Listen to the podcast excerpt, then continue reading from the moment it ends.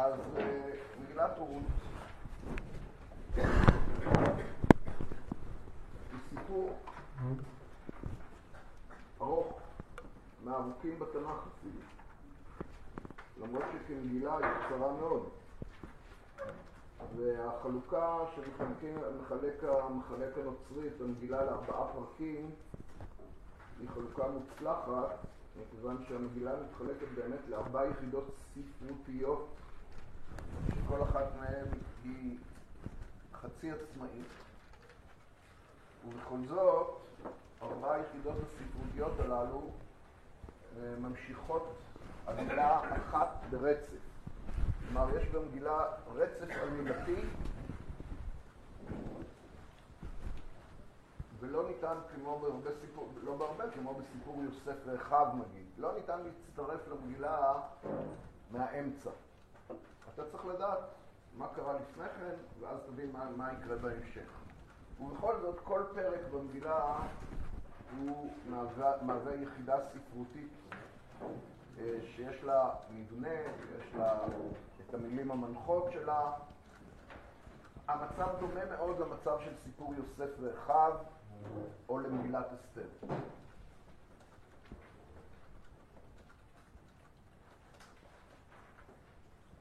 ולמרות שהגדרנו את מגילת רות כסיפור, יש בסופה של מגילת רות, אתם יכולים לפתוח, כן? כבר פתחתם?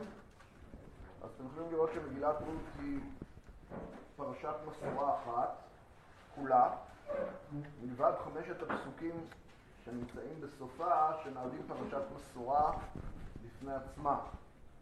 ולא רק שהם מהווים פרשת מסורה בפני עצמה, אלא הם לא סיפור בכלל, אלא זה ז'אנר אחר. מה הז'אנר, איך נקרא לז'אנר הזה? רשימה גינאולוגית, רשימה של עשרה דורות, מפרץ, בן יהודה ותמר ועד דוד.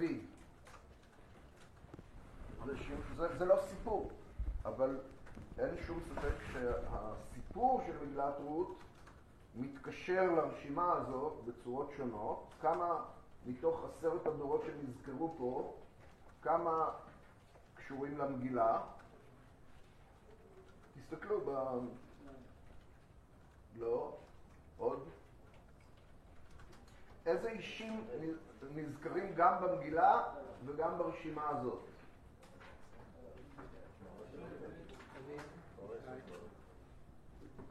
נתחיל מבועז. בועז הוליד את עובד, גם הולד, עובד נמצא במגילה שלנו.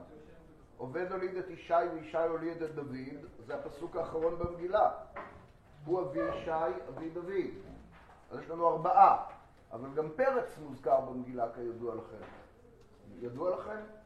בברכה שהזקנים מברכים בפרק ד' את בועז, ייתן השם את האישה הבאה לביתך כרחל וכלאה אשר בנית את בית ישראל, ועשה חיל בפרטה וכולי, הם אומרים, הם אומרים גם אה,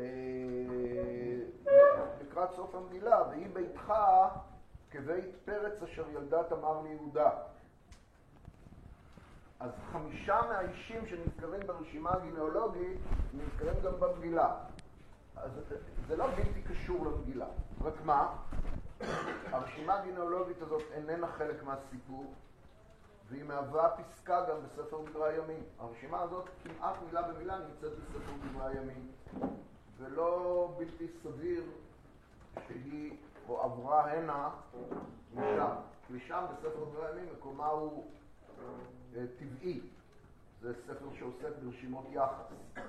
ופה זה נראה איזה נספח למגילה, ולכן זה לא חלק מהסיפור, אז הנה עסקנו בפסקה הזאת ולא נעסוק בה יותר. חוץ מזה, כל מגילת רות היא סיפור אחד. ובכל זאת צריך לומר עוד משהו, שבראש מגילת רות נמצאים עוד חמישה פסוקים שהם אומנם מהווים מצג, אקספוזיציה למגילה, הסיפור של המגילה, והם חלק מהסיפור של המגילה, כי בגלדיהם לא ניתן להבין את העובדות שהמגילה מספרת בהן. ובכל זאת, חמשת הפסוקים האלה הם קדם סיפור. והם לא שייכים מבחינת הניתוח הספרותי לשום יחידה סיפורית במגילה, לא לפרק א', לא לפרק, כלומר, הם שייכים לכל הפרקים, אבל הם לא חלק אינטגרלי, לא מן היחידה הסיפורית הראשונה ולא משאר היחידות הסיפוריות הכלולות במגילה. ובאמת, חמשת הפסוקים הראשונים הם תמציתיים מאוד, והם מניחים כמה עובדות שחשוב לדעת אותן, אבל העובדות האלה עצמן לא נידונות במגילה. בואו נקרא את חמשת הפסוקים האלה ונסביר מה כוונתנו. ויהי בימי שפוט השופטים ויהי רעב בארץ, וילך איש מבית לחם יהודה לגור בשדה מואב, הוא ואשתו ושני בניו. ושם האיש אלימלך, ושם אשתו נעמי, ושם שני בניו מחלון וכיליון אפרתים מבית לחם יהודה, ויבואו שדה מואב ויהיו שם, וימות אלימלך איש נעמי, ותישאר היא ושני בניה, וישאו להם נשים מואביות, שם האחת רותה ושם השנית רות, וישבו שם כעשר שנים. וימותו גם שניהם מחלון וכיליון, ותישאר האישה משני ילדיה ומאישה. עד כאן. בעצם כאן ירד מסך על, על לא על דור, אבל על, על משפחה שנהרסה, התפרקה, טרגדיה איומה, והרבה מאלה שמתחילים ללמוד את מגילת רות, מתחילים פה להשקיע אנרגיות בחמשת הפסוקים האלה. ושואלים, האם אלימלך היה צריך לרדת בזמן הרעב מן הארץ, או שזה נחשב לו לחטא, ולמה הוא מת, ולמה שני בניו מתו, ומה עומד מאחורי הטרגדיה הזאת. אני לא כופר בלגיטימיות של השאלות האלה, אני רק כופר בצורך לעסוק בהם כשבאים ללמוד את מגילת רות. אז מתי נעסוק בהם? אינני יודע, אבל לא כשלומדים את מגילת רות. כי המגילה לא מתכוונת לעסוק בכלל בש... בשאלות האלה, ולא נותנת לנו שום רמז לפתרונן של השאלות. זה מה ש... אלה הנתונים. מכאן מתחילה המגילה, מפסוק ו' בעצם, מתחיל הסיפור. וכל מה שקרה עד עכשיו הוא איננו בתחום הסיפור של המגילה, אלא מהווה רק קובץ עובדות שנחוץ לדעתן בטרם ניכנס לסיפור המגילה. כן. מצד שני, בשיא המגילה, בפרק ד', אנחנו רואים כמה זה קריטי, השדה של מחלון וכיליון. זה לא, לא רק שאי אפשר לדעת בלי, אלא בכל הסיפור חוזר חזרה לנקודות האלה. הוא לא, לא, הוא לא חוזר לנקודות האלה, אלה הנקודות, בחמשת הפסוקים האלה לא מוזכר עניין השדה ולא מוזכר שום דבר, אבל מצטבר שלאלימלך יש שדה, ו... והשדה הזה באמת צץ רק בסוף המגילה, וצריך לדעת את העובדות שאלימלך מת, זה ברור, כן? וש... בקיצור, זהו, איבדתי את עמדתי. לא נעסוק בשאלה מדוע, באמת, שאלה כבדה, מדוע קרה האסון הכבד הזה למשפחתו של אלימלך? מדוע הוא ושני בניו מתו ללא בנים? שני הבנים האלה, מחלון וחיליון, מתו בלי להשאיר זרע. כל זה איננו בתחום ההתעניינות של המדינה. וכל ניסיון לענות תשובות על השאלות הללו הוא בגדר, מבחינתי, בגדר דרשה. כלומר, אפשר להפוך לפי המדרש את אלימלך לגדול הדור. מכיוון שהוא ירד מן הארץ, אז זה היה חמור מאוד. אין רמז שאלימלך היה גדול הדור. בקיצור, זהו. מה, הש... מה, מה השאלה? למה? למה מה? כי בפסוק ו' מתחילה עלילת המגילה. אבל גם בפסוק ז' זה מופיע. אז יש כפילות בין ו' לז', כשנגיע לכפילות הזאת נדבר עליה. אבל בפסוק ו' מתחילה בעצם העלילה של המגילה. עם שיבתה של נעמי ושתי חלותיה לבית לחם, שם מתחילה המגילה. אבל לא תבין למה היא באה עם שתי כלותיה, איפה הבעלים? אז אומרים לך, הם מתו. ומה עם ראש המשפחה אלימלך? גם הוא מת. למה הם מתו? אנחנו לא יודעים. בכל זאת, בכל זאת אנחנו לא יודעים. אני רק רוצה לעמוד על נקודה אחת שהיא כן חשובה בצד, וזה הנישואין של מחלון וחיליון לבנות מואביות. זאת נקודה חשובה.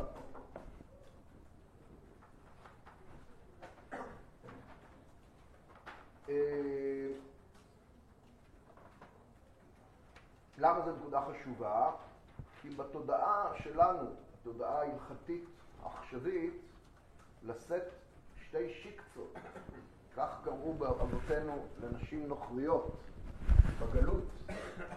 לשאת שתי נשים נוכריות זה עבירה חמורה. ירידה בזמן רעב מן הארץ, כמו שאלימלך נהג, זה לא עבירה וזה היה נורמה חוקית. אברהם ירד בזמן רעב מן הארץ, יעקב ירד בזמן רעב מן הארץ, ואישים נוספים שמסופר עליהם בספר מלכים. תזכירו לי מי ירד בזמן רעב מן הארץ? בהוראת נביא? האישה השונמית עם בנה.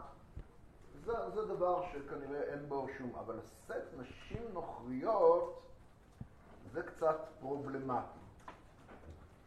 אה, האם יש איסור לשאת אישה נוכרית?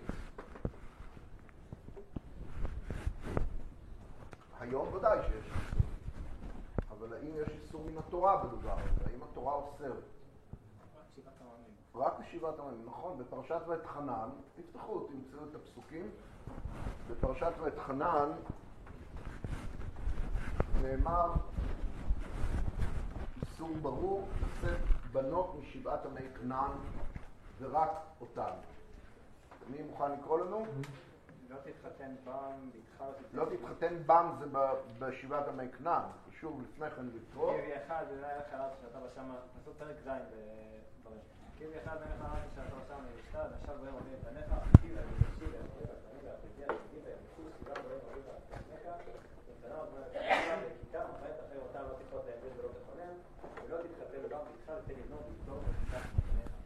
ביתו של הגוי מישיבת עמי כנען לא תיקח לבנך.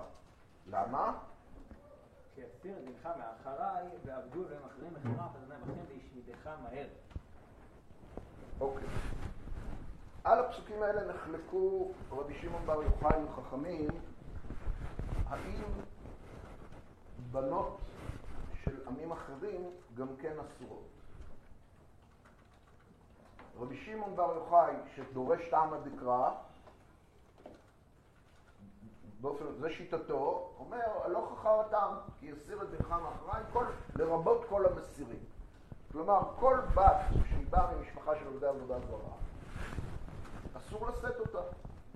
כי הטעם שהתורה נותנת לאיסור לשאת שבעת עמי כנען, בנות משבעת עמי כנען, הטעם הזה תקף גם ביחס לבנות אחרות שבאות ממשפחה של עובדי עבודה זרה, הם יסירו את, אה, את, את החתן היהודי, לא משנה בדיוק, יש שם כידוע הרבה, הרבה פרשנויות, מה זה כי יסיר את בנך מאחריי, אבל זה מה שרשב"י אומר, שמדאורייתא אסור לשאת גם בנות של עובדי עבודה זרה מעמים אחרים. לא זו דעתם של חכמים, ודעתם היא שהאיסור מן התורה חל רק על בנות שבעת כנען. עכשיו, הרמב"ם פסק כידוע כמו מי? כמו רשב"י, לא, כמו רשב"י. מכיוון שהוא פסק כמו רשב"י, היו לו הרבה קושיות בתנ"ך. איזה קושיות היו לו? הרבה דברים בתנ"ך, גם דברים כשרים, נשאו נשים נוכריות. ועל כן הרמב"ם מנה את התירוץ, יש לו קטע שלם שהוא מנסה להתמודד עם הבעיה הזאת. סוד הדבר, כך הוא, כך הרמב"ם כותב, ומנסה לתרץ את זה. אבל רק כדאי לדעת, א', שעדיין בימי הראשונים הטור פוסק כחולקים על רשב"י. זה דבר שגרם אי נחת עצומה אצל האחרונים. איך יכול להיות?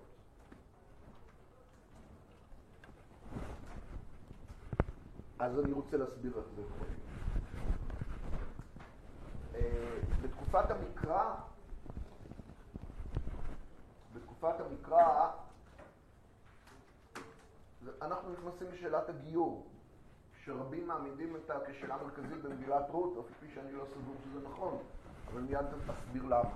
בתקופת המקרא הגברים לא יכלו להצטרף לעם ישראל במלוא מובן המילה. מדוע? מכיוון שהמבנה החברתי של עם ישראל בתקופת המקרא, בימי בית ראשון, היה מבנה שבטי, והזהות של אדם בישראל הייתה לא רק זהות שהוא בן לעם ישראל, אלא הוא גם בן לשבט מסוים, והוא יושב על נחלה שהוא ירש אותה מאבותיו ומאבות אבותיו עד הכניסה לארץ. מה? נכון, סיפור של המקלל הוא בדיוק על העניין הזה. עכשיו, גבר, גבר שבא להצטרף לעם ישראל יכול היה למול את עצמו ולקבל על עצמו קיום מצוות, אבל הוא אף פעם לא יכול היה להצטרף לשבט. תמיד הוא ישב מן הצד, ולא רק שהוא לא יכול היה להצטרף לאיזשהו שבט מישראל, אלא הוא גם לא יכול היה לנחול נחלה בארץ. ונחלה בארץ בתקופת בית ראשון, בתקופת המקרא, הייתה עניין מאוד מרכזי בזהות הישראלית. כל אדם מישראל יש לו נחלה בארץ. הנה, נקרא בשבת את פרשת בהר, ונדון עליה בשיעור הבא. כמה התורה מתאמצת שאדם מישראל יהיה לו נחלה בארץ, אותה נחלת אבותיו, שדה אחוזתו שהוא ירש מאבותיו ומאבות אבותיו, ואילו גר אין לו נחלה בארץ. אז, אז מה שהיום, אדם מתגייר היום, וזהו, תוך דור לא יודעים בכלל שהוא גר, הוא נבלע בעם הישראלי ושוכחים את הגירות שלו, זה לא ככה היה בתקופת המקרא. גר תמיד נשאר בצד. דורות. קיבלו אותו. קרבו אותו. אבל ישראלי הוא לא יכול היה להיות במלוא מובן המילה. האם הנקודה הזאת ברורה? חלק של ליבה, רק התחתן. אז זה כבר משהו אחר, אבל הבנים שלו ימשיכו להיות גרים. עכשיו, החברה הישראלית בתקופת המקרא, וגם אחרי, הייתה חברה פטריארכלית. חברה שהמסורת הייתה על פי הגברים. ההמשכיות הייתה של הגברים. ולכן בת לא נחשבת. ההמשכיות של הגר זה הבנים שלו, והבנים של הגר ימשיכו להיות גרים, למרות שהוא יתחתן יכול להיות עם בת ישראל, אבל הבנים יהיו חסרי ייחוס ישראלי. הם לא יהיו שייכים לשבט מסוים ולא יוכלו לנחול עדיין בארץ, דור אחרי דור. וכך נוצרו קבוצות גרים בתקופת המקרא, שחיו בארץ לצד החברה הישראלית וחשו את עצמם זרים ובלתי משתלבים בשום צורה בתוך החברה הישראלית. וזה המצב. באמת אנחנו גם מכירים פתרונות למצב הזה. הסיפור על הרכבים, בניו של יהונדב בן רחב, זה כנראה שבט של גרים, שחי בתוך הארץ, לצד החברה הישראלית, היה מעורב בתהליכים פוליטיים דתיים בישראל, וחי על פי אידיאולוגיה שמה? איזה אידיאולוגיה? לא יהיה נחלה, לא לבנות בית, רק להיות רועי צאן נוודים, ממש לא מתאים לאופי הישראלי של החיים בישראל, אבל אה, לא הייתה להם ברירה, הם הפכו את ה... את ה... את מה? את המציאות, הם הפכו לאידיאולוגיה במובן מסוים. עכשיו תבינו את הפסוק שאתם, האשכנזים שבנו, מכירים אותו מהפטרה, מהפטרה ל... הפטרה לתענית ציבור במנחה. אתם יודעים שהספרדים לא קוראים את ההפטרה הזאת. ישעיהו נ"ה, פיתחו נא ישעיהו נ"ה. תראו פתרון לחידה, מה שנראה כחידה סתומה. אה, יש לכם תנ"ך, תשים את התנ"ך באמצע. תודה.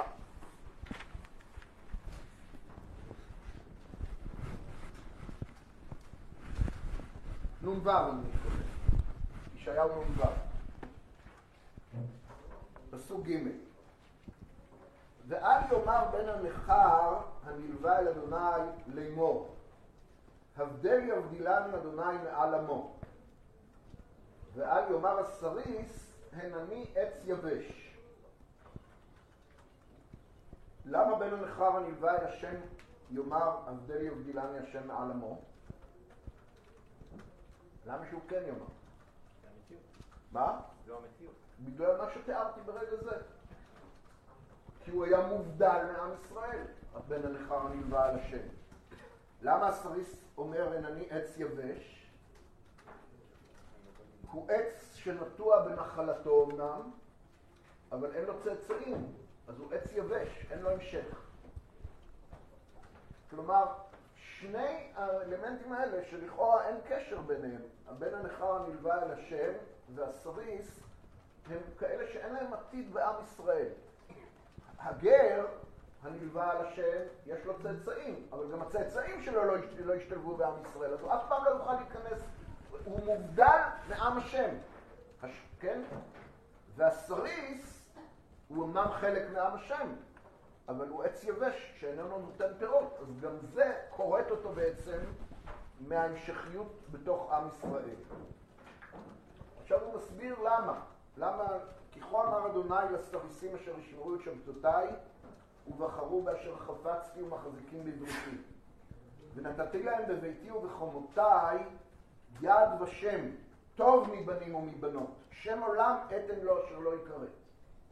אומר הנביא, יהיה להם איזה נצח, יד ושם, מכאן לקח המוסד יד ושם את שמו, מפה.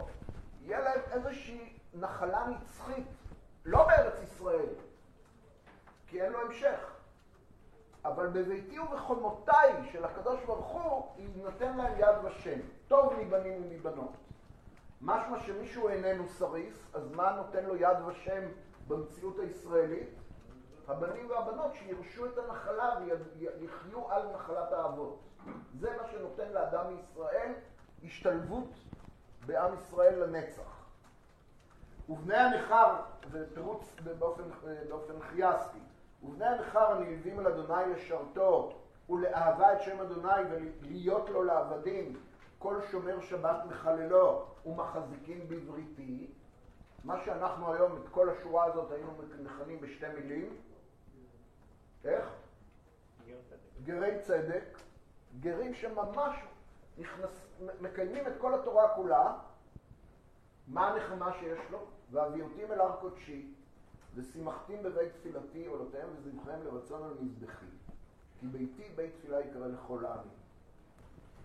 כלומר, הקדוש ברוך הוא מבטיח לשני האלמנטים האלה, המקופחים ביותר מבחינת האפשרות שלהם להשתלב בעם ישראל, נחמה שהיא נחמה עמוקה מאוד, אבל היא נחמת עניים. חלק בארץ לא יהיה לשניהם. חלק בעם ישראל גם לא יהיה לשניהם, אבל יהיה להם חלק ב- ב- במקדש, יהיה להם חלק בב- בבית השם.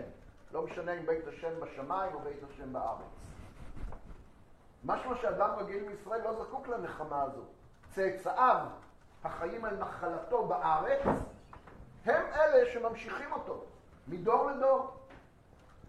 זה גורלם של הגברים בתקופת המקרא. מי יוצא מגורלם של הגברים האלה ויכול להיכנס לעם ישראל בצורה מלאה? נשים. הגירות המלאה בתקופת המקרא הייתה אך ורק גירות של נשים. מהי גירות של נשים? נישואים לגבר ישראלי. זה, זאת הייתה הגירות. למה? כי אישה שמתחתנת עם גבר ישראלי בחברה פטריארכלית שהולכת אחרי הגברים, עוזבת את בית אביה, עוזבת את עמה ואת אלוהיה, בגיל מאוד צעיר אגב, הנישואים של בנות בתקופת המקרא עד גיל ההתבגרות, נודדת למרחקים, משתלבת בבית ישראלי, מקבלת עליה את כל החיים הישראליים והתרבות הישראלית והדת הישראלית, יולדת בנים לבעלה הישראלי, שירשו את הנחלה הישראלית, בשבט הישראלי שאליה אליה, אליו היא הצטרפה, היא נבלעת לגמרי בתוך עם ישראל. רק נשים יכלו בעצם להיכנס לגמרי, להיבלע בעם ישראל. וזאת הייתה הגירות. למה התורה אומרת לא להתחתן עם בנות איפה של שבעת עמי כנען? כי שבעת עמי כנען גרים בתוכנו. וכשהאישה מתחתנת עם גבר ישראלי, בעורף, מי נושף? המשפחה שלה, שהיא משפחה כנענית, עובדת עבודה זרה, שכנה, משפחה שכנה. זה יסיר את בנך מאחריי ללכת לעבוד אלוהים אחרים. אבל אישה שבאה ממרחקים, מעם רחוק, ומצטרפת לעם ישראל על ידי נישואים, זה גיור, זה הגיור השלם, כן? הם, מה, מה חסר לגיור הזה? אז עכשיו תראו מה קרה. במשך הזמן, בתקופת חז"ל, התהפכו היוצרות, וכשבא גר שואלים אותו, שמא אתה רוצה להתגייר כדי לשאת בן זוג או בת זוג ישראלי, וזה פוסל את, את, את הצורך בגיור. אבל בתקופת המקרא באו, באו להתחתן, אבל משפחה ישראלית מקבלת בת של עם אחר, היא בעצם מכניסה אותה תחת כנפי השכינה. האם מה שאמרתי ברור? זה הגיור. המושלם בתקופת המקרא. בת שבגיל צעיר באה ממרחקים, עוזבת את כל עברה ונבלעת בתוך עם ישראל והופכת להיות חלק אינטגרלי מעם ישראל. אין שום דבר שחוצץ בינה לבין עם ישראל עכשיו. למה הארכתי כל כך? א', כי זה מסביר כמה ניסויים בתנ"ך. זה מסביר את שיטת החכמים שחולקים על רשב"י, כן? אומרים, לשאת אישה מבחוץ זה להכניס אותה לתוך עם ישראל, מה פירוש? בתקופת חז"ל כבר הגרים הפכו להיות עצמאיים. אישה שבאה להתגייר היא, היא כבר יצור עצמאי, הפמיניזם התחיל כבר. הפמיניזם הפך להיות מכשול, כי עכשיו הגיור הוא על בסיס האישיות שלך. אבל בתקופת המקרא, בת שבאה להתחתן, היא בעצם באה להתגייר. זאת הייתה המשמעות של זה. לא הייתה רומנטיקה. ההורים אמרו לה שלום, נפרדו ממנה, וזהו, היא עוברת אלינו. עכשיו היא חלק מאיתנו. כן.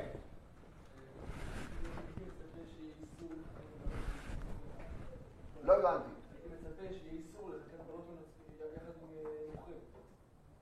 ברור, יש סוג כזה.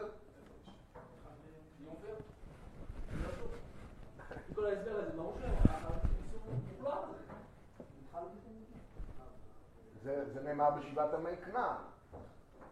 יש דברים שלא צריך לכתוב אותם. מי שנשיא, זה תמונת ראי של מה שאמרתי. מי שנשיא את ביתו לגוי, הוא בעצם זורק אותה לכלבים. וזה לא צריך את, את, את רשב"י, בלי רשב"י, גם לדעת חכמים. מה זה, מה המשמעות לתת בת לגוי? זה להפקיר את זרעה, להפקיר אותה, להכניס אותה לבית של עובדי עבודה זרה. זה כל כך פשוט שאין צורך לדבר על זה. הלכתית אני צריך לחשוב על מה שאתה אומר. מה... כן.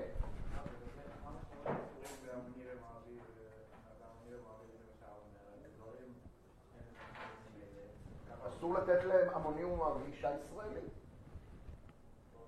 לא, לא לתת להם לבוא בקהל פירוש הדבר, לא לתת להם להתחתן עם אישה ישראלית. אה, מה, מה רציתי לומר? אוקיי, למה כל זה, אני לא רוצה להאריך בזה יותר, אני רק רוצה להגיד דבר פשוט. כשמחלון וחיליון נושאים נשים אוהביות, הם פועלים במסגרת של בתנ"ך, במסגרת מוכרת היטב של הכנסת אישה לבית ישראלי שמשמעותו קיום. אפילו שוב, זה קצת בעיה, זה קצת בעיה. עד היום יש קהילות שרבנים לא מוכנים לגייר בחוץ לארץ. למה? כי הם טוענים שגר שבא להתגייר בחוץ לארץ נשאר קשור במשפחתו, ולכן הגיור שלו הוא תמיד בערבון מוגבל. אבל uh, כנראה שמחלון וחיליון תכננו לחזור מהר מאוד לארץ, והשהות שלהם הייתה בשדה מואב שרות של גיירות. איפה זה כתוב בפסוקי המבוא? לגור. הם הלכו לגור בשדה מואב. לגור במשמעות המקראית זה להיות גרים. ולכן כשהם עושים נשים מואביות, הם מתכננים לחזור עם הנשים האלה לארץ ולהשתלב בבית לחם, והנשים האלה יהיו צדקניות וטובות וכשרות, והן הם לא הספיקו לעשות את זה ומתו. אבל אתה רואה ששתי הנשים הצעירות הללו לא מוותרות על הזהות שלהן כנשים ישראליות, ואומרות לנעמי, אנחנו חוזרות איתך לבית. כלומר, השאלה מתי התגיירו רות ועורפה, האם הם התגיירו, מה התשובה על זה? מה? כשהם נישאו למחלון וחיליון, הם גם הפכו להיות גרות. מה שאנחנו היום קוראים גרות. כלומר, בזה הם הצטרפו לעם ישראל. ורות לא התגיירה כשהיא באה לבית לחם, היא כבר הייתה ישראלית מלפני כן. לעומת זאת עורפה, כשהיא בחרה לשוב לארץ מואב, כפי שמיד נקרא, היא שבה לאן? אל עמה ואל אלוהיה. משמע שעד עכשיו היא הייתה ישראלית גמורה, גיורת, ועכשיו היא שבה אל עמה ואל אלוהיה. זה מה שרציתי, זה מה שרציתי להרחיב ביחס למבוא של המגילה, לא מעבר לכך. כן. אם זה כל כך נפוץ, למה הנער מתייחס אליו כל כך גסות? מי? הנער. מי אמר? מה, איפה אתה רואה שהוא מתייחס אליה בגסות? יען הנער, אני צריך לשים היום נערה מואביה היא ישבה אל משדה מואב. למה נערה מואביה? ישראלית לגמרי, נוער נפוץ. רות נקראת רות המואביה לאורך כל המגילה, כמו שמי שעלה מאמריקה לאחרונה, לא לאחרונה, אפילו אם הוא עלה לפני 30 שנה, אומרים עליו, הוא אמריקאי. מה פה שהוא אמריקאי? הוא חי כאן 30 שנה במעלה אדומים. למה אתה אומר עליו שהוא אמריקאי? הוא יהודי, חי בארץ ישראל, ובכל אופן אומרים עליו אמריקאי. ומי שבא מאתיופיה אומרים עליו אתיופי. ומי שבא, כלומר, אין אפליה בעניין הזה. למה עלינו, הדור הצעיר, לא אומרים את זה?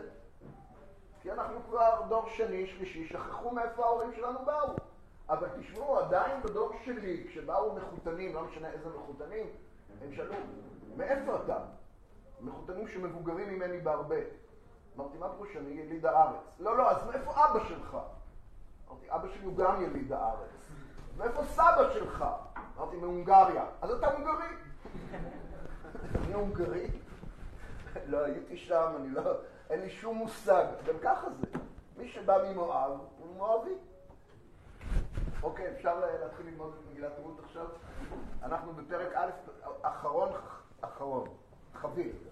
לשון גרות, אם זה רק להיות גר ולהישאר פה לזמן קצר ולחזור, הקדוש ברוך הוא אומר ליצחק, כשהוא רצה לרדת למצרים ברעב, גור בארץ הזאת ויהיה עמך וניתן לך... כי אבותינו היו גרים בארץ.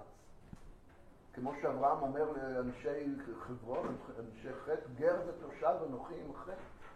לא הייתה לו נחלה ליצחק, ולא לאברהם. או לא היה לו, כשהוא בא, לא היה לו שום נחלה. אחר כך גם, לא ברור אם יש לו נחלה, אבל הוא גר. גור בארץ, הכוונה, תמשיך להיות גר בארץ. האבות היו גרים בארץ. ויתלכו מגוי אל גוי, מממלכה אל עם אחר, בארץ. כן, זהו, הייתה שאלה אחרונה. אנחנו מתחילים את סיפור מגילת רות בפרק א', פסוק ו', בשעה טובה. ותקום היא, היא זאת נעמי הרמוזה ושמה מפורש לפני כן, כאן במצג, באקספוזיציה. ותקום היא וכלותיה ותשוב משדה מואב, כי שמעה בשדה מואב כי פקד אדוני את עמו לתת להם לחם. שמה פירושו של דבר? הרעב נפסק. ותצא מן המקום אשר הייתה שמה ושתי חלותיה עמה, ותלכנה בדרך לשוב אל ארץ יהודה. ותאמר נעמי לשתי חלותיה, לך נשוב נא אישה לבית אמנה. יעש אדוני עמכם חסד כאשר עשיתם עם המתים ועמדי. ייתן אדוני לכם ומצאנה מנוחה אישה בית אישה. ותשק להם ותישאנה קולן ותבכנה.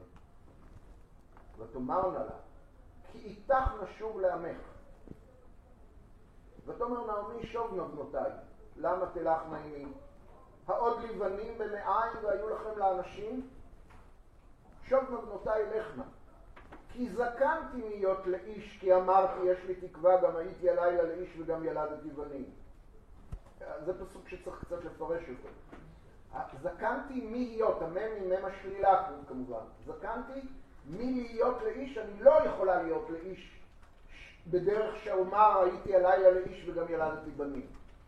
כלומר, להתחתן היא עדיין יכולה, אבל ללדת ילדים היא אומרת אני כבר לא יכולה, זקנתי. עכשיו, כי אמרתי יש לי תקווה פירושו אם כן מה? לא, מה פירוש כי אמרתי יש לי תקווה?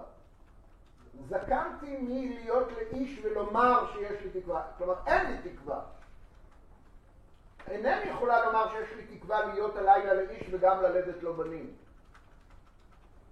ומכיוון שלא בא בחשבון שיהיו לי עוד בנים, אז הלהם תסברנה עד אשר יגדלו, פסוק י"ג, הלהם תעגנה לבלתי היות לאיש, על בנותיי, כי מר לי מאוד מכם, כי יצאה בי יד אדוני. ותישאנה קולן ותבכנה עוד, ותשק עורפה לחמותה, ורות דווקא בה. ותאמר, הנה שבה יבינתך אל עמה ואל אלוהיה. שובי אחרי יבינתך. ותאמר רות, אל תפגעי בי לעוזבך לשוב מאחרייך, כי אל אשר תלכי אלך ובאשר תליני אלין. עמך עמי ואלוהיך אלוהי, באשר תמותי אמות ושם אקבר. כה יעשה אדוני לי וכה יוסיף, כי המוות יפריד ביני ובינך. ותרא כי מתאמצת היא ללכת איתה, ותחדל לדבר אליה. ותלכנה שתיהם עד בואנה בית לחם. ויהי כבואנה בית לחם, ותהום כל העיר עליהן, ותאמרנה, הזאת נעמי? ותאמר עליהן, אל תקרנה לי נעמי, קרנה לי מרה, כי הימר שדי לי מאוד. אני מלאה הלכתי, וריקה משיבני אדוני. למה תקרנה לי נעמי? ואדוני ען אבי ושדי הרע לי. ותשוב נעמי, ורות המואביה חלתה עמה השבה משדה מואב. והמה באו בית לחם בתחילת קציר שעורי. זאת היחידה הסיפורית הראשונה הפותחת את מגילת. אולי תאפיינו במה נבדלת היחידה הסיפורית הזאת שקראנו מבחינה ספרותית מפסוקי המצב שכמעט ודילגנו עליהם. מה ההבדל היסודי? לא שומע? הדיאלוג. רוב הסיפור שקראנו זה שיחות, נאומים, דיאלוגים, דו-שיח. רוב הסיפור. לעומת הפסוקים שמהווים מצב שהם ככה מסריטים לנו איזה סרט במהירות עצומה, ללא דיבורים, ללא שיחות, ללא שום דבר. כאן אנחנו ממש שוקעים בהוויה של הדמויות, שומעים את הדיבור החי שלהם ומתרשמים היטב מהעלילה. אוקיי. אני אפתח בשאלה שעד כמה שראיתי הפרשנים לא נותנים את דעתם עליה. כש... אולי, לא, לא, מכיוון שמישהו הזכיר את הכפילות בפסוקים ו'-ז', אז אולי נעמוד בקיצור על הכפילות הזאת, ואז אני אחזור לשאלה שאני רציתי לשאול. בפסוקים ו'-ז' יש כפילות בולטת. בפסוק ו' כתוב, ותקום היא וכלותיה ותשוב משדה מואב. בפסוק ז' כתוב, ותצא מן המקום אשר הייתה שם ושתי חלותיה עמה ותלכנה בדרך לשוב אל ארץ יהודה. מתי שבה נעמי עם כלותיה? בפסוק ו' או בפסוק ז'? ולמה צריך פעמיים לתאר את שיבתם?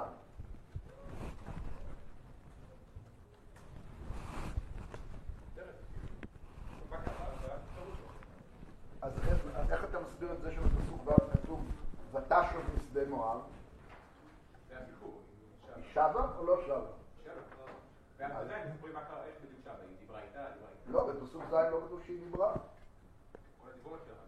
לא, מה צריך את פסוק ז'? פירוש של מה ש... אבל זה לא פירוט, הוא חוזר על אותו דבר עצמו. כאן כתוב שהיא שבה וכאן כתוב שהיא שבה. כאן כתוב ותקום, כאן כתוב ותצא. אז מתי היא שבה? בפסוק ו' או בפסוק ז'? באמצע הדרך. היא עוזבת את מואב ואחר כך היא הולכת לקראת יהודה. ברגע שהיא עוזבת את שדה מואב, היא הולכת לקראת יהודה, זה אותו דבר עצמו. הרי היא לא עוזבת ללא, ללא מטרה ברורה. מהצעד הראשון שהיא עוזבת את שדה מואב, היא כבר פניה מופנות לבית לחם. מה? בדרך, כל הזמן. היא עוד לא לא- עוד לא שם איפה? בבית לחם. כן. ודאי שלא, היא רק עכשיו יוצאת. אז אני שואל אם היא יוצאת בפסוק ו' או בפסוק ז'.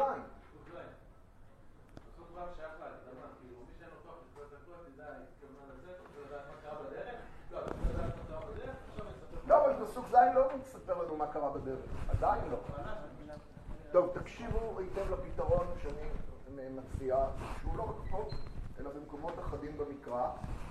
אנחנו מוצאים כמה פעמים במקרא שתנועה של דמות, דמות בסיפור מתוארת, ומיד אחר כך מתוארת אותה תנועה פעם שנייה.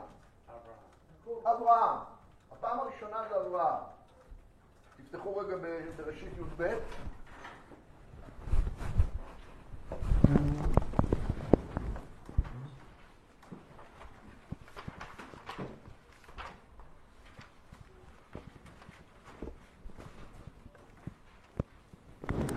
בפסוק ד', אחרי שהשם אמר לו לך לך, וילך אברהם כאשר דיבר אליו אדוני, וילך איתו לוט, ואברהם בן חמש שנים ושבעים שנה בצאתו מחרן. בפסוק ה' כתוב, ויקח אברהם, אברהם, את שרה אשתו ואת לוט בן אחיו ואת כל רכושם אשר רכשו, ואת הנפש אשר עשו בחרן, ויצאו ללכת ארצה כנען. אבל כבר בפסוק ד' כתוב, וילך אברהם. וגם פירוט מי ומי ההולכים מופיע גם בפסוק ד' וגם בפסוק ה'. שמתם לב לזה? אז אומר לכם כלל, ועכשיו אנחנו נוכיח אותו בעוד דוגמה אחת או שתיים. הכלל הוא זה, יציאה של הגיבור, או של הדמות, ממקומה, תמיד כוללת שני שלבים. החלטה והתארגנות, ויציאה בפועל. החלטה והתארגנות זה לא דבר קל. אדם לא יוצא ממקומו יציאה משמעותית בלי הכנות. וההכנות האלה מתוארות במקרא פעמים רבות כיציאה ממש. עצם ההחלטה וההתארגנות לקראת יציאה מתוארת במקרא הרבה פעמים כהליכה. הוא כבר הולך, כבר יצא ממקומו. אבל זה עוד לא קרה. רק בפעם השנייה מתוארת היציאה בפועל יציאה שהיא באה בעקבות ההכנות וההחלטות שהיו בתיאור הראשון. אז לפי זה נפרש את פסוקים ד' וה' ככה. השם אמר לו, לך לך, מה התגובה המיידית של אברהם? וילך אברהם כאשר דיבר אליו אלוהים, ודיבר אליו השם. ומי עוד מחליט ללכת? וילך איתו לוט. אבל זאת רק החלטה. זו החלטה שכוללת בתוכה אולי גם התארגנות. חבילות, מזוודות. והתנ"ך, התורה מתארת את זה כבר כוילך, אבל הוא עוד לא הלך בפועל. רק בפסוק ה' ויצאו ללכת ארצה כנען. זה דומה מאוד למגילת רות, כי גם הפועל ויצאו, לצאת, מופיע גם אצלנו רק בפעם השנייה. אז מה זה הפעם הראשונה? פסוק ו', ותצא מן המק... סליחה, בפסוק, כן, מה זה בפסוק ו'? ותקום היא וכלותיה, ותשוב משדה מואב. איך מפרש את זה ב... ב... ב... מה? החלטה. ותק, לא רק החלטה, אלא היא קמה כבר, מתארגנת כבר לשוב, אבל היא עוד לא שבה, היא עוד לא יצאה. רק בפסוק ז', ותצא מן המקום, זה יציאה בפועל. עוד דוגמה, אם אתם בבראשית אז תעברו לפרק כ"ד. מה? יכול להיות שאתה צודק, אני לא, לא את הדוגמה הזאת. תסתכלו בפרק כ"ד על יציאת העבד, שזה פחות בולט. אברהם מצווה על העבד ללכת להביא אישה ליצחק, כן? ואיך מתוארת יציאתו של העבד? איפה היא מתוארת? באיזה פסוק? ויקח העבד עשרה גמלים מגמלי אדוניו, וילך, וכל טוב אדוניו בידו. ובאותו פסוק, ויקום וילך אל ארם נהריים אל עיר נחור. למה פעמיים? הפעם הראשונה זה ההתארגנות, הפעם השנייה זה ההליכה, בפועל. נכון, אין פה. ובכל אופן, אבל יש כאן ויצר בזה שאומרים שהוא פונה אל ארם נהריים עיר נחור. וילך ארם נהריים עיר, נחור. עכשיו אני אתן לכם את, את, את המקום שהוא ההוכחה הניצחת לטענה שלי. שיש יציאה מן המקום שאיננה אלא התארגנות והחלטה, אבל לא יציאה בפועל. תסתכלו בפרשת שלח, פרק י"ד בספר במדבר, המעפילים. פרק י"ד,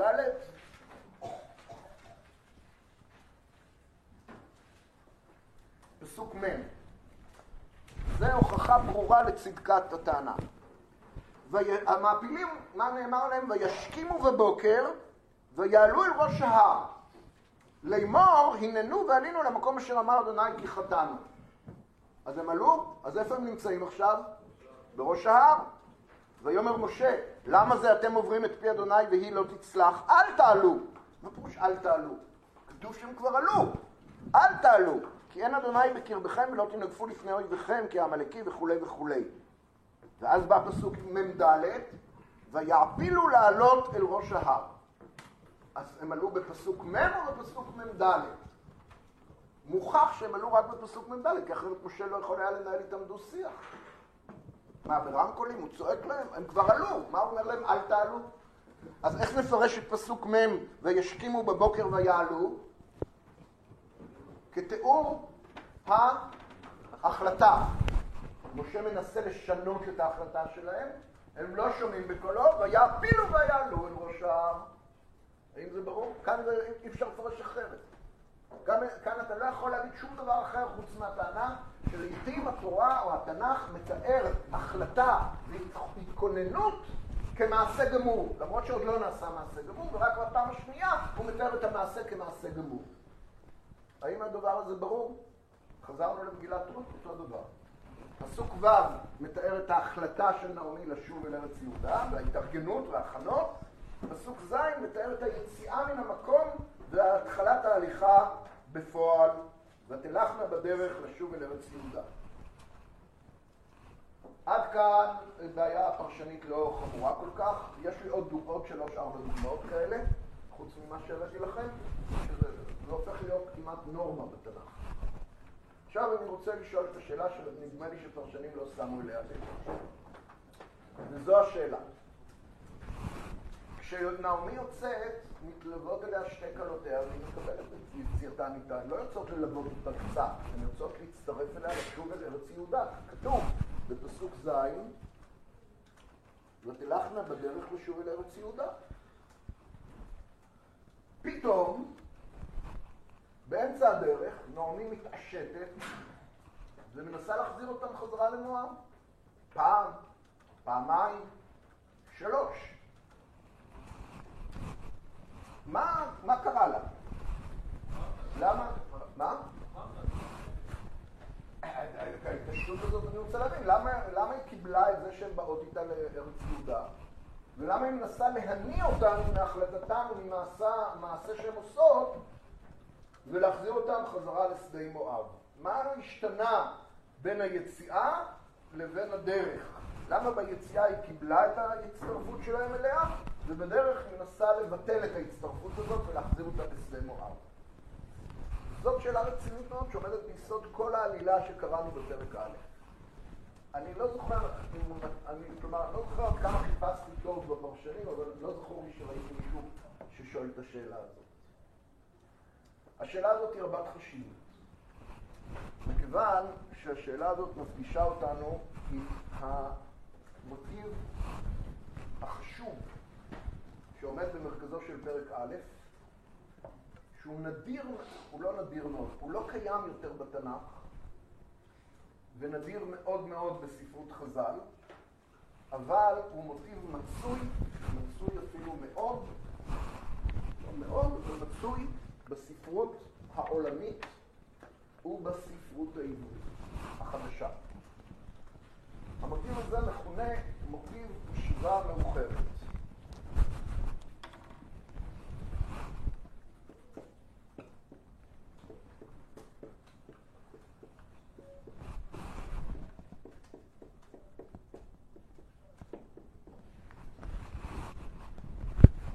מוטיב השיבה המאוחרת הוא מוטיב שנמצא בספרות ושהוא נמצא גם בחיים. אולי נתחיל מהמקור הספרותי העתיק שלו, שהוא לא מקור מוצלח למוטיב הספרותי הזה. ב- ביצירה של הומרוס מסופר על, על אה, יש לו שתי, שני סיפורים גדולים, או שתי עלילות גדולות, ומה שמות, שמות הסיפורים של הומרוס? איליאדה ואודיסאה. אז באודיסאה מסופר על אודיסאוס שעזב את ביתו ואת אשתו, פנלופה, ונדד בארצות רחוקות ונלחם מלחמות מסמרות שיער שעליהם מספר, ה, מספר הומרוס באודיסאה שלו. ובביתו המלכותי, צריך לומר, אה, התייאשו ממנו וחשבו שהוא כבר מת. ופנלופה מחוזרת על ידי כמה וכמה מחזרים שלוחצים עליה להסכים להינשא להם, והיא עומדת להיכנע להינשא לאחד המחזרים שלה, ועשרים שנה אחרי שאודיסאוס עזב את ביתו, הוא חוזר אחרי הרפתקאות מסמרות שיער ממש.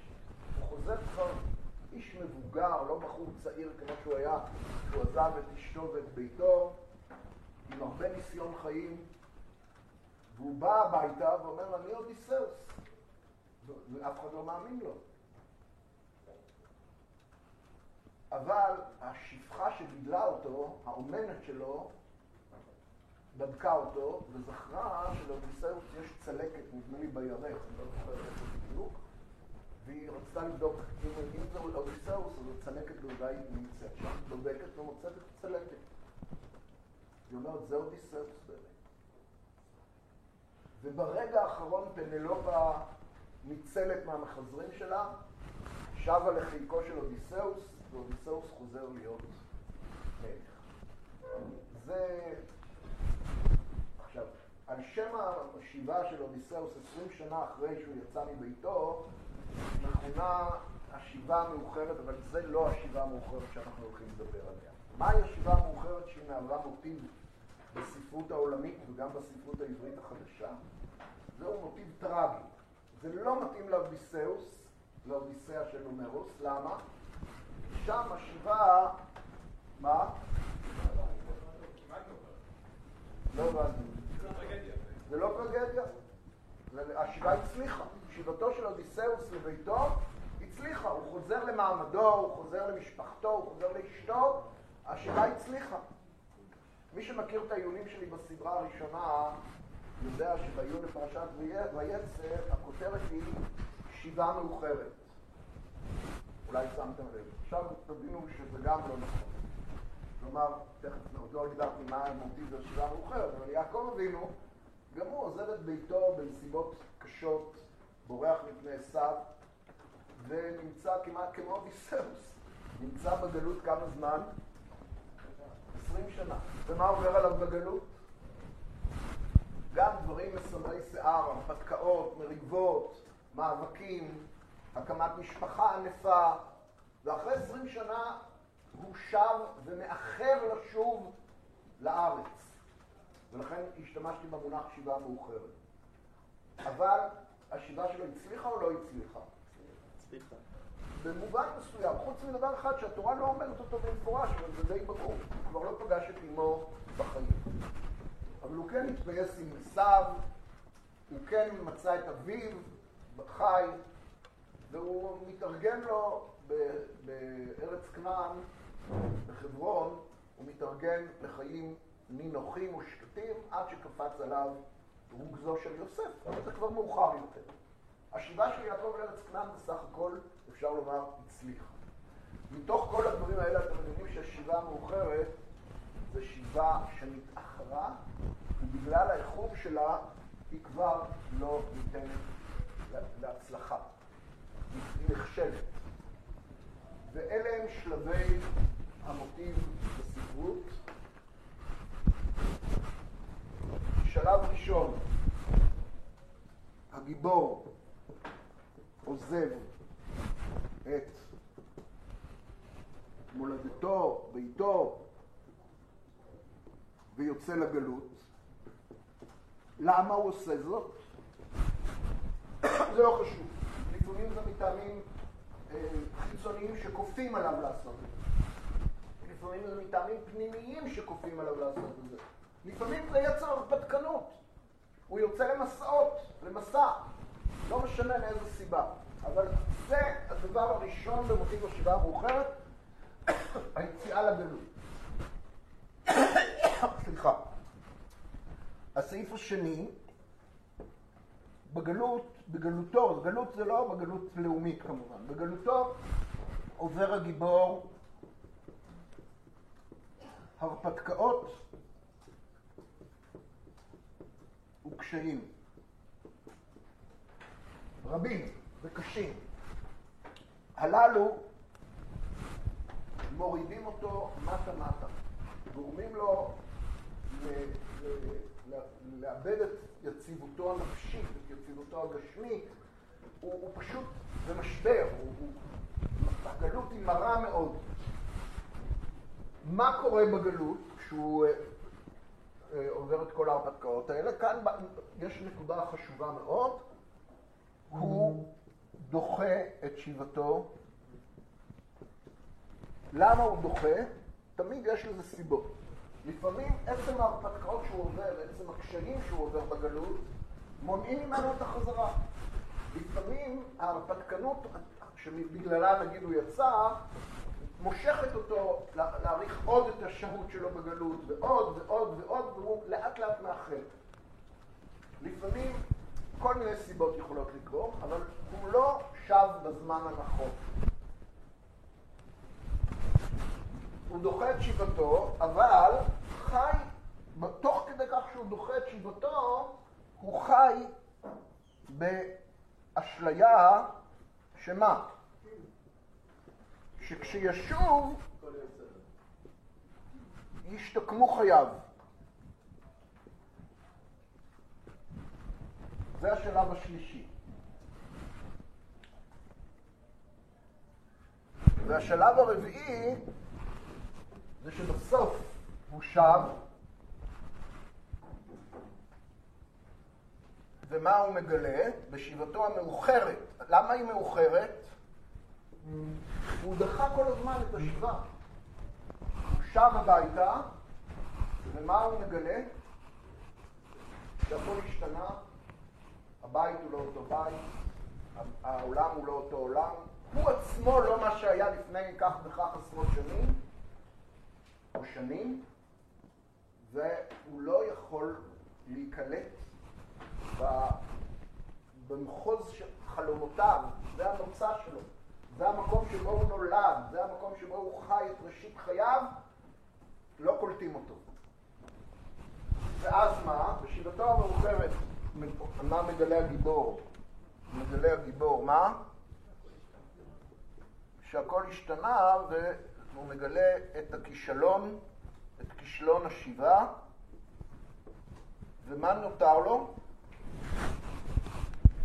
בדרך כלל למות. זה מה שנותר. כי השיבה המאוחרת הוא מוטיב טרגי של החמצת החיים. ממש ככה. הוא מתברר לגיבור שחייו הוחמצו לבלי תקנה, ולא נותר לו עוד מה לעשות בחיים. הוא גמר. האשליה שהייתה לו בזמן שהוא הסתבך בגלות שלו, מתנפצת אל המציאות המרה, והוא מבין שחייו הוחמצו ללא תקנה. אה, רוב האנשים שיושבים פה הם צעירים, הם לא חושבים שזה דבר אה, שנוגע אליהם, אבל יש הרבה אנשים שעוברים את החוויה הזאת בחיים שלהם, ממש, שאלה החיים שלהם, חיים של ישיבה מאוחרת. אה, לא נביא דוגמאות עכשיו מהחיים, אבל נביא קצת מהספרות. בספרות העברית החדשה, הסופר הגדול שהשתמש במוטיב הזה לאורך ולרוחב היה עגנון. כבר הסיפור השני שעגנון פרסם באותו נער צעיר, בתחילה, בעלייה השנייה, כשהוא היה ביפו בגיל 20, או פחות אפילו, היה והיה יעקב למישור. אני לא מסתכל, אבל ירימו אלה שקראו את הסיפור הזה, יר, ירימו את ידם. אז זה סיפור, מופת. סיפור מופת ממש. סיפור מרעיש לב. הישיבה המאוחרת של הגיבור. אני לא אחזור על, עלילת הסיפור, אני רק פונה אליכם לחזור אל עגנון ולקרוא את uh, סיפוריו. זה לא סיפור, זה נובלה, אבל גם רומן כמו uh, אורח מטל אלון בנוי על מוטיב השיבה המאוחרת, אולי גם תמול שלשום בנוי על המוטיב הזה, וגם סיפור קצר כמו פרנהיים, גם הוא בנוי על מוטיב השיבה המאוחרת. ועוד אפשר למצוא את המוטיב הזה לאורך ולרוחב, ועמד על כך המנתח הדגול של עגנון, ברוך קורצווייל, וכתב מאמר על השיבה המאוחרת בכתבי עגנון. אבל כמו שאמרתי, השיבה המאוחרת נמצאת גם בספרות העולמית, ואפשר למצוא אותה בהרבה יצירות. עכשיו, כל זה נובע מזה שאפשר למצוא את המוטיב הזה באחרים. הספרות כאן לא ממציאה משהו.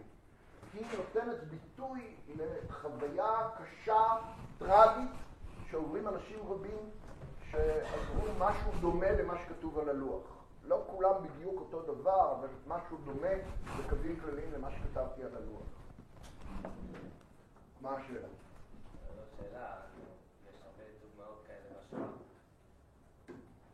ויש גם דוגמאות הפוכות, אבל אתה צודק. הרבה אנשים אחרי השואה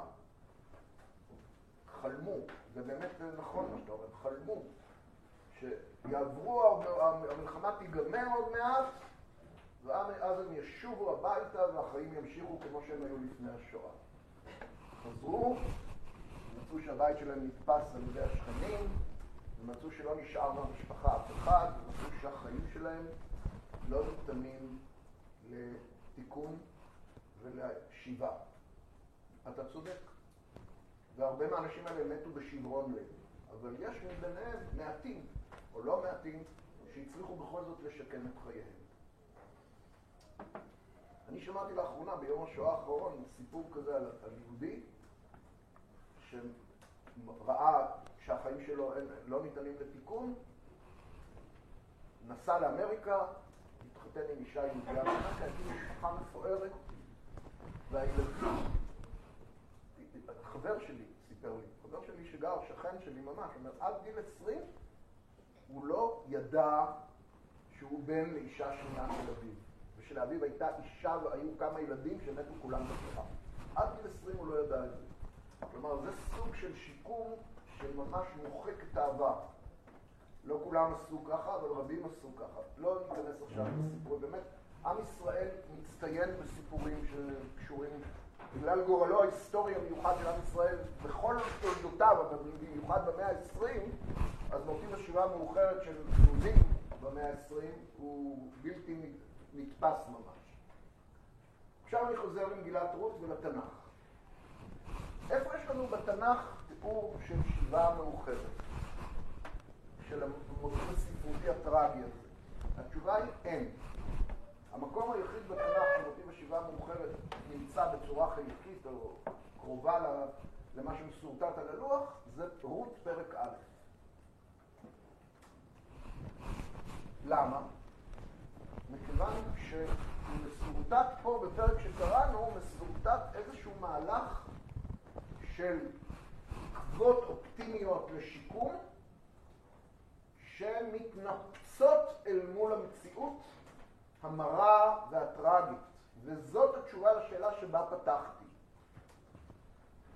ההבדל בין מה שעובר את נעמי בפרק א' לבין מה שכתוב על הלוח הוא רק הבדל באיזה שלב האשליה מתנפצת. האם רק עם השיבה בפועל, או כבר בדרך. אצל נעמי, הפיקחת, האישה החכמה, התקוות מתנפצות כבר בדרך, ולא בבת אחת, אלא ככל שהיא מתקרבת אל בית לחם, כך משתלטת עליה התודעה שהשיבה לבית לחם בעצם היא שיבה מאוחרת. אבל בפסוק ו' מתוארת האשליה. נעמי גלתה מבית לחם, עברה דברים איומים בגלות, איבדה את הבעל ואיבדה את שני הבנים, ונשארה לבד מכל משפחתה הקטנה, אבל בשדה מואב היא שומעת כי פקד השם את עמו לתת להם לחם. והשמועה הזאת מקימה אותה ממקומה ונותנת החלטה חוזרים הביתה. הפקידה שהשם פקד את עמו תהיה גם הפקידה שלה. גם היא תתפקד עם כל עם ישראל. הלחם יהיה לחמה, לחם במובן המטאפורי, כן? לא רק הלחם הפשוט שאוכלים אותו. היא באה להתפקד עם כל עם ישראל. השם פקד את עמו, גם חלקה יהיה בין הנפקדים. מכיוון שזאת הנימה האופטימית שבה נעמי שבה, אז היא מקבלת את שיבתם של שני כלותיה כדבר מבורך. גם הן תתפקדנה יחד איתה. אבל ככל שהדרך מתקדמת, חודרת לתודעתה בעצם ההכרה שהפקידה הזאת היא לא הפקידה שלה. ושלה אין מה לצפות בבית לחם. ומכיוון שאין לה מה לצפות לשיקום חייה שלה, אז גם אין לה קלות מה לחפש. כי גורלן נקשר בגורלה. ואם גורלה נחתם לשיבה מאוחרת, אז מה, אז למה להעמיס על השתיים הצעירות האלה שעתידם עוד לפניהן, למה להעמיס עליהן את השיבה המאוחרת שלה? והתודעה הזאת הולכת ומשתלטת עליה, שבעצם השיבה שלה לבית לחם היא שיבה מאוחרת, וזה קצת שונה מהשרטוט פה, כן? זה לא... אבל מתי תודעת השיבה המאוחרת ממש ניתנת לנו במילים בוטות וקשות ביותר? באמת מתי? כשהיא שבה לבית לחם בפועל. כשהיא דורכת בבית לחם, היא נושאת נאום איובי קשה ביותר על השאלה הזאת, נעמי, בסוף הפרק, ותאמר פסוק כ', אל תקרנה לי נעמי, קרנה לי מרה. משמעות החלפת השם מנועם למרירות היא בדיוק הביטוי לזה שזהו, אין תקנה יותר. כי הימר שדי לי מאוד. אני מלאה הלכתי וריקם השיבני אדוני. למה תקרנה לי נעמי ואדוני ענה בי ושדי הרע לי? זה הביטוי הנקי של תודעת הגיבור שהשיבה שלו התאחרה ואין יותר תקנה לא רק לשיבה, לחיים אין יותר תקנה, החיים שלה הוחמצו ואין להם עוד יותר תקנה. אפשר לעקוב אחרי הדיאלוגים לפני כן, אבל אין לנו כבר זמן, אנחנו נחזור לזה בשיעור הבא, שלאט לאט התודעה הזאת משתלטת עליה. לא בבת אחת. משיחה לשיחה, יש כאן ארבע שיחות של נעמי, משיחה לשיחה היא נכנעת לתודעה שהשיבה המאוחרת ולא ניתנת יותר לתיקון. וחייה הוחמצו לחלוטין.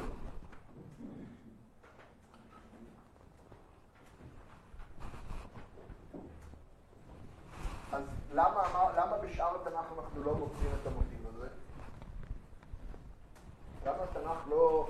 התנ"ך כך, הוא חלק מהחיים.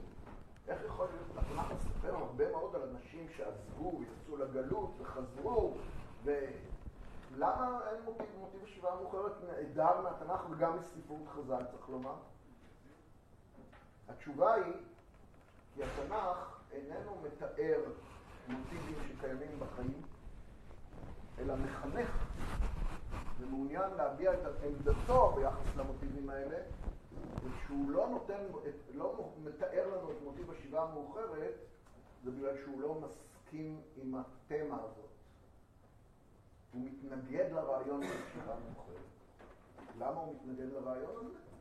כי התנ"ך סבור כנראה שהשיבה אף פעם אינה מאוחרת. ואין דבר כזה שחיים מוחמצים לבלי תקנה לחלוטין. אין דבר כזה. הרעיון הזה בא לידי ביטוי דתי בתשובה, רעיון התשובה. תשובה מעולה, הרמב"ם, היא כזאת שאדם בדיוק נקלע לאותה סיטואציה וכולי וכולי וכולי. אבל גם אם אדם חוזר בתשובה בלי שהוא נקלע לאותה סיטואציה. פרק ב' בהלכות תשובה. ואפילו אם הוא שב ביום מותו, השם מקבל את תשובתו וסולח לו על כל חטאו. עד יום מותו תחק אלוה, אם ישוב מיד תקבלו. וכל זמן שהנר דולק, אין מקום לייאוש. אין תשובה מאוחרת. אדם שב אל אלוהיו, אפילו ביום מותו השם מחכה לו. והוא יכול לתקן את כל מה שהוא קלקל בחיים שלמים. אז הרעיון הזה שאין תשובה מאוחרת, הוא אותו רעיון שגם אין שיבה מאוחרת. אין דבר כזה להתייאש, אין דבר כזה להחמיץ את החיים בלא תקנה. כלומר, בעינינו אנחנו רואים שיש דבר כזה? לא. אדם צריך להיאבק, אדם צריך תמיד לשמור על תקווה ותמיד לעשות פעולות שמיועדות להמתיק את השיבה המאוחרת ולא להיכנע לה. ולכן התנ"ך כופר בדבר הזה, ולא נותן לנו תיאור, אלא בפרק א' במגילת רות. וגם בפרק א' במגילת רות, זה רק, מה? זה רק מה? התחלת הסיפור. וכל הסיפור לא נועד אלא כדי ללמדנו שנעמי טועה. והשיבה שלה איננה שיבה מאוחרת. אבל מכיוון שזה מחולק ליחידות ספרותיות חצי עצמאיות, אז פרק א', שהוא היחידה הסיפורית הראשונה, מסתיים ברמז קל, שאומר לקורא בקריצה, אל תשתכנע מהדברים הנוראים שנעמי אומרת בבית לחם. מה הפסוק האחרון בפרק א'? ותשוב נעמי, ורות המואביה חלתה עימה, היא מתעלמת מרות בדברים שהיא אומרת לנשון בית לחם, השבה משדה מואב, והמה באו בית לחם בתחילת קציר סורי. תחילת קציר סורי זה תחילת האביב, זה חג הפסח. חג הפסח מתחילים לחזור את הסורי. נעמי שבה לבית לחם, קודם כל לא לבד. זה דבר אחד שתשים אליו לב. היא מתעלמת מרות בסוף הפרק. אבל הכותב, המספר, לא מתעלם. והוא מזכיר, רות גם נמצאת איתה, א', שים לב מתי הן חוזרות, בפסח, באביב. ג', הפסוק הזה מתכתב עם פסוק ו', שהסיבה לשיבתה של נעמי, כי שמעה כי פקד השם את עמו לתת להם לחם. ומה אומר הפסוק האחרון? אכן, השם פקד את עמו לתת להם לחם, ואנחנו עומדים עכשיו בתחילת קציר שעורים. והקציר בתנ"ך גורר אחריו רינה. בוא יבוא ורינה. ואם כן, הפסוק האחרון אומר, שום דבר לא סגור, שום דבר לא אה, אבוד. תמשיך לקרוא את המגילה ותראה איך מתקנים, איך ממתיקים שיבה מאוחרת, ולמה אין מקום לייאוש, ולמה דברי נעמי קרנה לי מרה הולכים ומתבדים לאורך המגילה. עוד לא סיימנו את פרק א', נחזור אליו בשיעור הבא, אבל גם נמשיך לפרק ב', רק נאמר זאת. במגילת רות יש שני מסלולים, מסלול רות ומסלול נעמי. מי האישיות היותר מרכזית במגילה, רות או נעמי? נעמי כמובן, אם אני שואל. ברור שנעמי היא האישיות המרכזית במגילה. יש מסלול רות, רות יש לה את החשיבות שלה, אבל מסלול נעמי הוא המסלול הדומיננטי. והנושא של מגילת רות, אתם יודעים שהרבה חוקרים ופרשנים מתפלפלים האם הנושא הוא הגרות או היחס לנשים נוכריות או איזה דברים בלתי סבירים. הנושא של מגילת רות הוא מאוד פשוט. איך מתקנים שיבה מאוחרת? זה הנושא של מגילה. איך איש זקנה וש- ושבורה, שתופסת את שיבתה למולדתה בצדק אובייקטיבי, הייתי אומר, כשיבה מאוחרת, איך יוצא שהיא מסיימת את המגילה במשהו שהיא שללה על הסף בתחילת המגילה. יולד בן לנעמי. העוד לי בנים במאי? התשובה היא לא, לא ייוולדו לך עוד בנים, את כבר זקנה. ובכל אופן יולד בן לנעמי, והיא מש- משיתה אותו בחיקה, והוא הופך להיות ממש בנה. איך זה קרה? איך מה, מהשיבה המאוחרת שבפרק א' הגענו לפרק ד'? איך ממתיקים שיבה מאוחרת? זה הנושא של מגילת רות. הנושא המרכזי, יש לה עוד כמה נושאי משנה, אבל זה הנושא המרכזי. להתראות בשיעור הבא.